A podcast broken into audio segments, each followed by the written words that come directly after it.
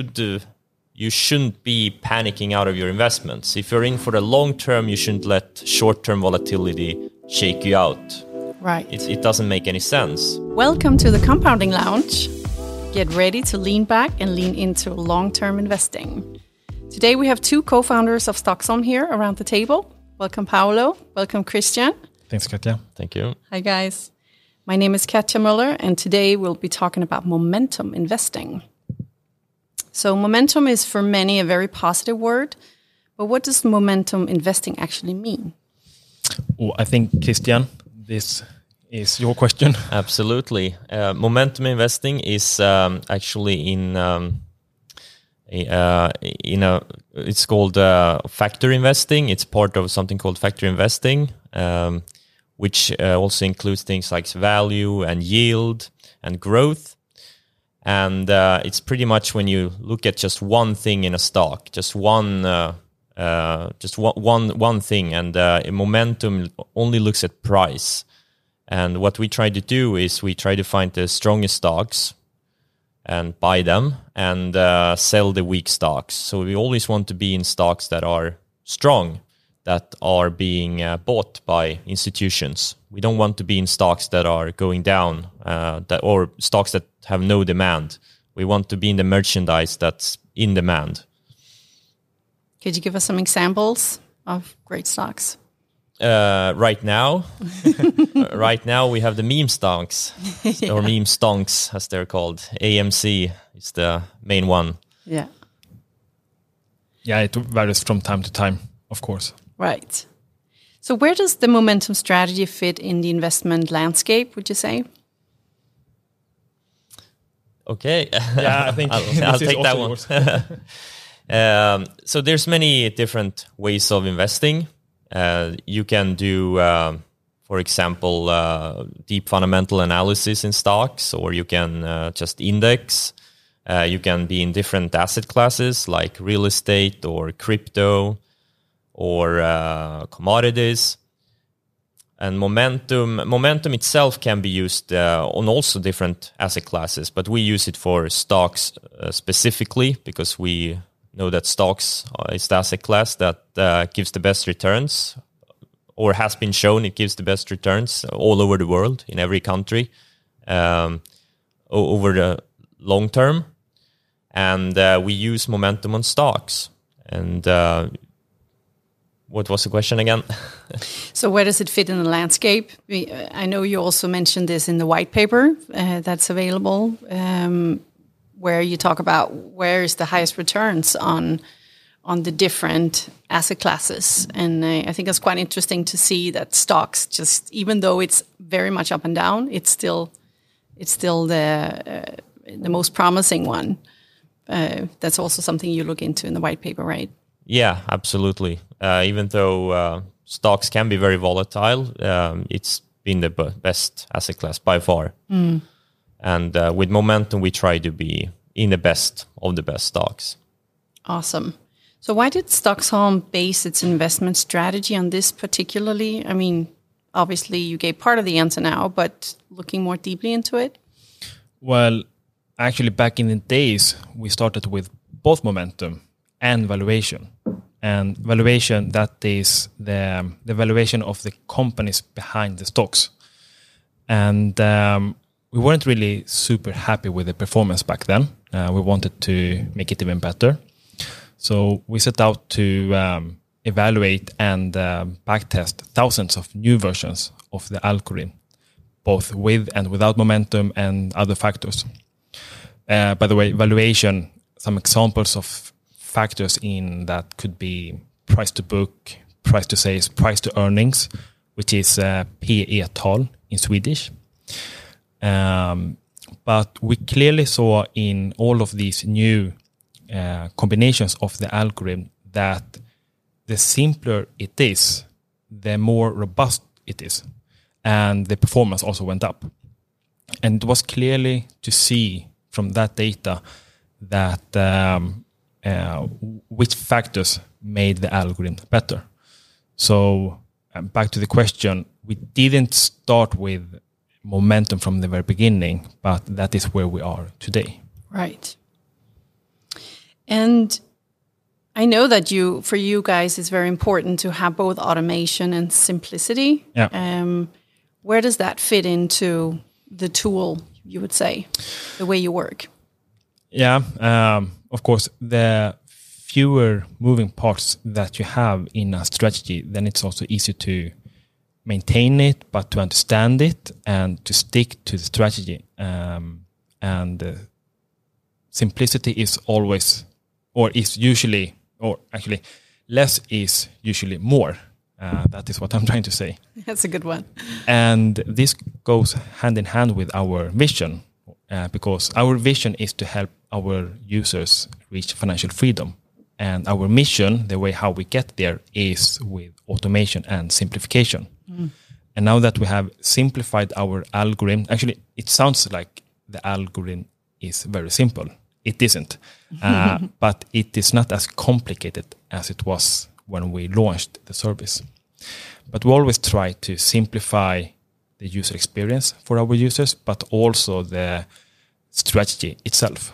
The, the So what's behind the the engine, you could say, or the Exactly. algorithm is quite complex, but you have mastered the simplicity for us as users uh, or investors. Exactly. So when we look at it from the outside, it it looks quite easy steps. Yeah. That's awesome. Um, so let's talk more about that. What does it actually look like when you start uh, investing like this? Um, how does it play out? We're talking about um, stocks uh, in a three to six month perspective, right? But the long the the investment period is quite long term, right? Yep. Um, should you or should I? You can start. Yeah. Uh, so our algorithm consists of three month momentum and six month momentum, and that is a relative short time frame. uh, so three month momentum that is how much the price of a stock has changed in three months, and six month momentum the last six months. But our trading strategy is a long term strategy because yeah yeah if you're saving for a car or for a vacation then you shouldn't really use our service actually i wouldn't recommend you to save in the stock market at all but if you have a longer time horizon like 10 to 15 years uh, if you're saving for your kid uh, or for your pension um, then our strategy fits in that landscape i, th- I think Right. that was one of the answers to your first questions Right. um, but now I forgot your first question or this question. Yeah, but I'm curious about how it plays out. You know, Yeah. so it it it is both. You know, we're evaluating the stocks over a short period of time, but the investment is long term, right? yeah. Yeah, That's absolutely correct. cool. Um, so if we talk a little bit about volatility, um, would you say the goal is to work with volatility? So, so like finding the possibilities uh, to to buy in short term uptrends and then sell them when they lose momentum, or, or if they have too much momentum, right? Absolutely. Uh, so we look uh, for strong stocks, uh, but th- there are limits to how strong it can be. We don't want to buy something that's up 500% in a week. That kind of momentum tends to be mean reverting. We want things that have a more of a smoother uptrend, um, that funds are accumulating and that are not necessarily all about a very short term hype because it's getting hot on social media. That type of uh, momentum is very, very mean reverting. Um, so uh, those are the types of. So we have uh, certain limits to how much a stock can be up in a certain amount of time, but it needs to be among the strongest. Um, Right. Definitely. Cool. And we also have uh, lower limits that a stock needs to have a certain liquidity for us to even consider uh, our users to trade that stock. Right. So, uh, except the momentum uh, factors, we also have these limits that Christian mentioned as well. So we're not looking at GameStop stocks in there. No, exactly. um, no. You know. Excellent. And so for a small investor, what does it look like? What do you need to do um, using the tool? So the first time that you invest, our tool will tell you which 10 stocks to buy. Um, and then you will diversify your portfolio equally among all 10 stocks. And uh, that process takes you about five to 10 minutes. Um, You, you just need to buy 10 stocks in, for example, Nordnet or Avanza or whatever broker that you want to use. But then the next month, you need to rebalance your portfolio. And uh, our tool will then tell you which stocks you have to sell and for how much, and which stocks you need to buy to replace those stocks that you bought or that you sold. Um, so when you have rebalanced your portfolio each month, then you will have a diversified portfolio again. Because if some stocks go up a lot, those stocks will, of course, uh, take a higher percentage of your entire uh, portfolio. Right. Uh, portfolio, and each month you want so that each stock takes about ten percent of your entire portfolio. So you're you're just yeah uh, correcting the diversification, and this process takes about ten to fifteen minutes as well each month. Right. And you actually just rebalance your portfolio, right? Yeah, Just around. Uh, I usually do it when I get my salary because I don't like to think about money too often during the month. Um, so I get my salary, pay my bills, save a little bit of money, and at that point I also rebalance my portfolio. Right. But it can be at any day since our algorithm runs on a daily basis. So every day it will um, update all stocks with the latest scores and um, yeah so it doesn't matter if you start today or tomorrow or in the end of the month Right. You just pick a date and then you're consistently doing And that stick to every that month. month. Yeah. Awesome. or stick to that date each month Sure. Okay. Um, cool to hear that. If we zoom out a little bit, what are the pros and cons of momentum strategy? Maybe Christian, you want to elaborate on that? Absolutely. The the pros uh, is obviously um, that we try to um, outperform the markets, and we have shown that we can outperform the markets.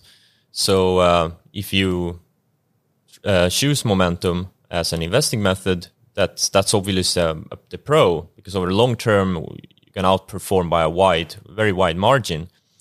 Uh, but the cons, if you, uh, for example, um, um,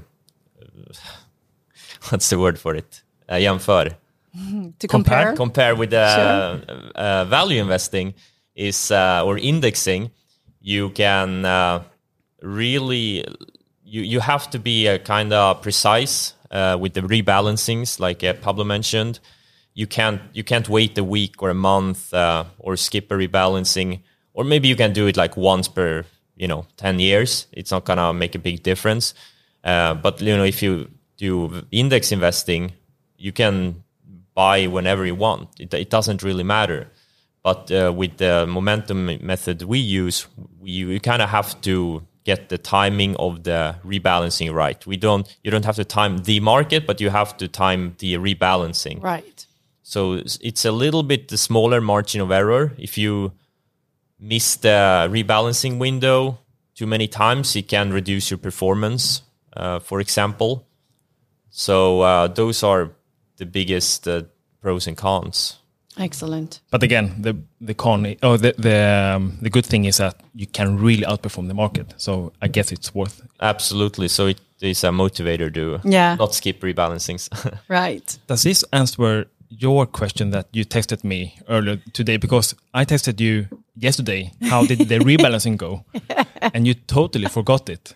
Why did you forget it? By the way, Oh, my son got ill. We had a, I had to run to the doctor and, and get some medicine, and and then i totally skipped the reminder I had in my calendar. And so I'm so happy you reminded me. you were so scared. Like, what do I do now? Yeah, Can I still make it tomorrow? Yeah. What's going to happen with my portfolio? I was getting nervous. But then, yeah, you reassured me that, you know, if I rebalance today, and that's also something, you know, if if my rebalancing day is on a Sunday, right, I would have to rebalance on Monday, so a day later. So um, I think I saved it, right? Yeah. Good. Just try to keep it right. the next month. Yeah, exactly.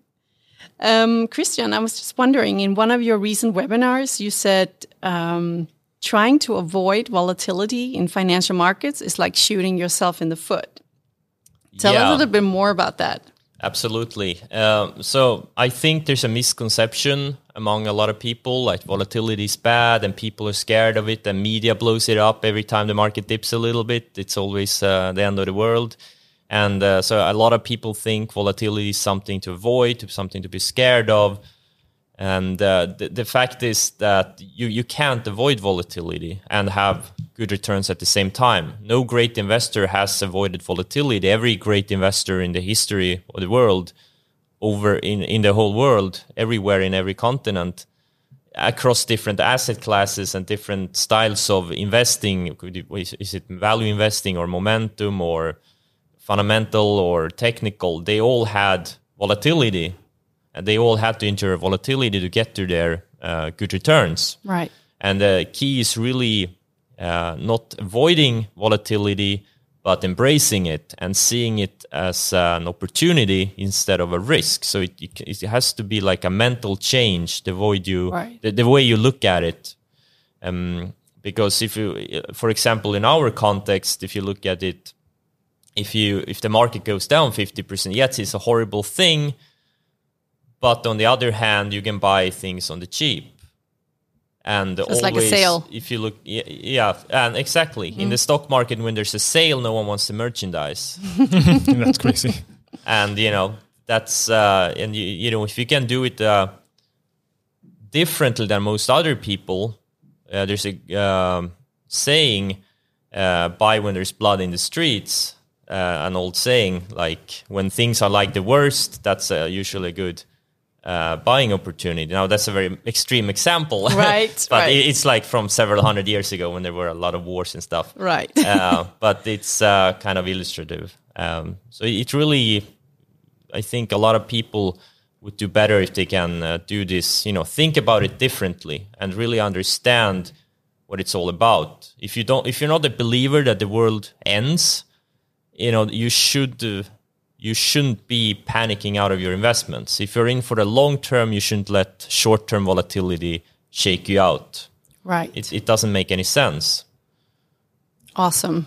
That I, makes it very clear because I think a lot of people get nervous when they think of volatility, and and I think a lot of people have an old mindset around that, um, and and that's a good reason why to to re-educate yourself and and and do a mind reset probably in yeah. in how to uh, cope with that. It's part of the game, right? And it's it's part of nature in a way. Absolutely. Yeah, if you can't accept volatility, then um, you shouldn't really be in the stock market. And a good example is if you go to our uh, web page, on the first page, there's a graph that shows the performance of our algorithm and the Stockholm, uh, sorry, the Stockholm index. Right. And you can clearly see that um, the first thing both the market and the algorithm did was they went down 50%, both of them. And you know, since then, the algorithm is up. How much is the total uh, performance? I don't know the total performance since the beginning, but we have an annual growth rate of 25%. Yeah, I think it was like 22 times uh, initial investment. Exactly. Yeah, and if you look at from the bottom, when things were the worst, when there was almost blood in the streets, the performance is even better, maybe even 30 times your money. Wow. So, you know, that's the way you have to look at it. Now, what if you panicked panicked right near the lows? Where where would you have gotten back in? And I see examples of that all the time. People they kind of, you know, like last year when the market dipped to the corona, like people, some people panic sold things and uh, now things are straight up and they don't know when to get back in. Right. So it's extremely difficult to, to time it uh, because you need to time it twice. And that is extremely difficult because first you have to sell at the right level when the stock market is peaking. Um, and if you sell too late or too early, that's of course bad. Um, and then if you listen to financial media and you want to re-enter the stock market and you want to buy back stocks, um, then it's usually too late especially if you listen to to media, uh, because they are only telling you to buy when the stock market is already going up. Mm-hmm. So again, like Christian says, you should uh, you shouldn't panic out and sell. Uh, so you shouldn't really try to time the market. You have another good saying, Christian. Um, time in the market is. Oh yes, uh, you, you shouldn't time the market, but uh, no, sorry. Instead of uh, time in the market is the important thing, and you shouldn't try to time the market Right. uh, because uh, time in the market is really what creates wealth over the long term. Uh, but timing the market, eh, almost no one can do that consistently over a long period of time. Uh, most and m- most good uh, like investors and hedge fund managers will be the first ones to admit like it's it's super super difficult to time the market. You you, you can do it if you're a shorter term trader. Um, like I am, like I do with my, like I'm a full time trader. Uh, you can do it to some extent, absolutely. Uh, but uh, like mid and long term, it's very difficult to time the market. Super, super difficult. Awesome. That sounds like a good round of reminder.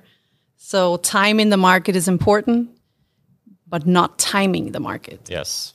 Awesome. And I would like to add because um, when people say that the stock market is going up or down, they are actually referring to an index or indexes. And an index is, for example, here in Stockholm, that could be OMX uh, 30 or OMX uh, GI. Uh, and that is just a list of other stocks.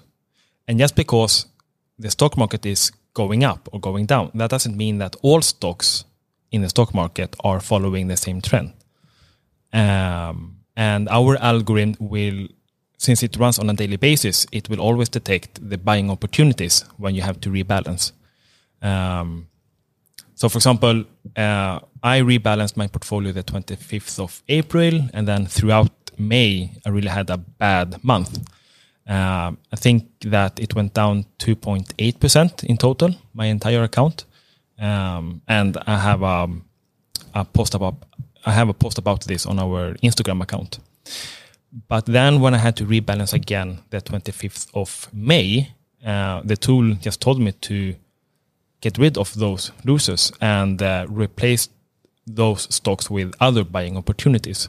Right. And then it started to go up again. So you really have to put aside your feelings and just stick to the trading uh, method that you have chosen, regardless if it's stocks or, or not. But uh, whatever you do, don't sell in panic just because someone else tells you to do it. Try Excellent. to stick with your method.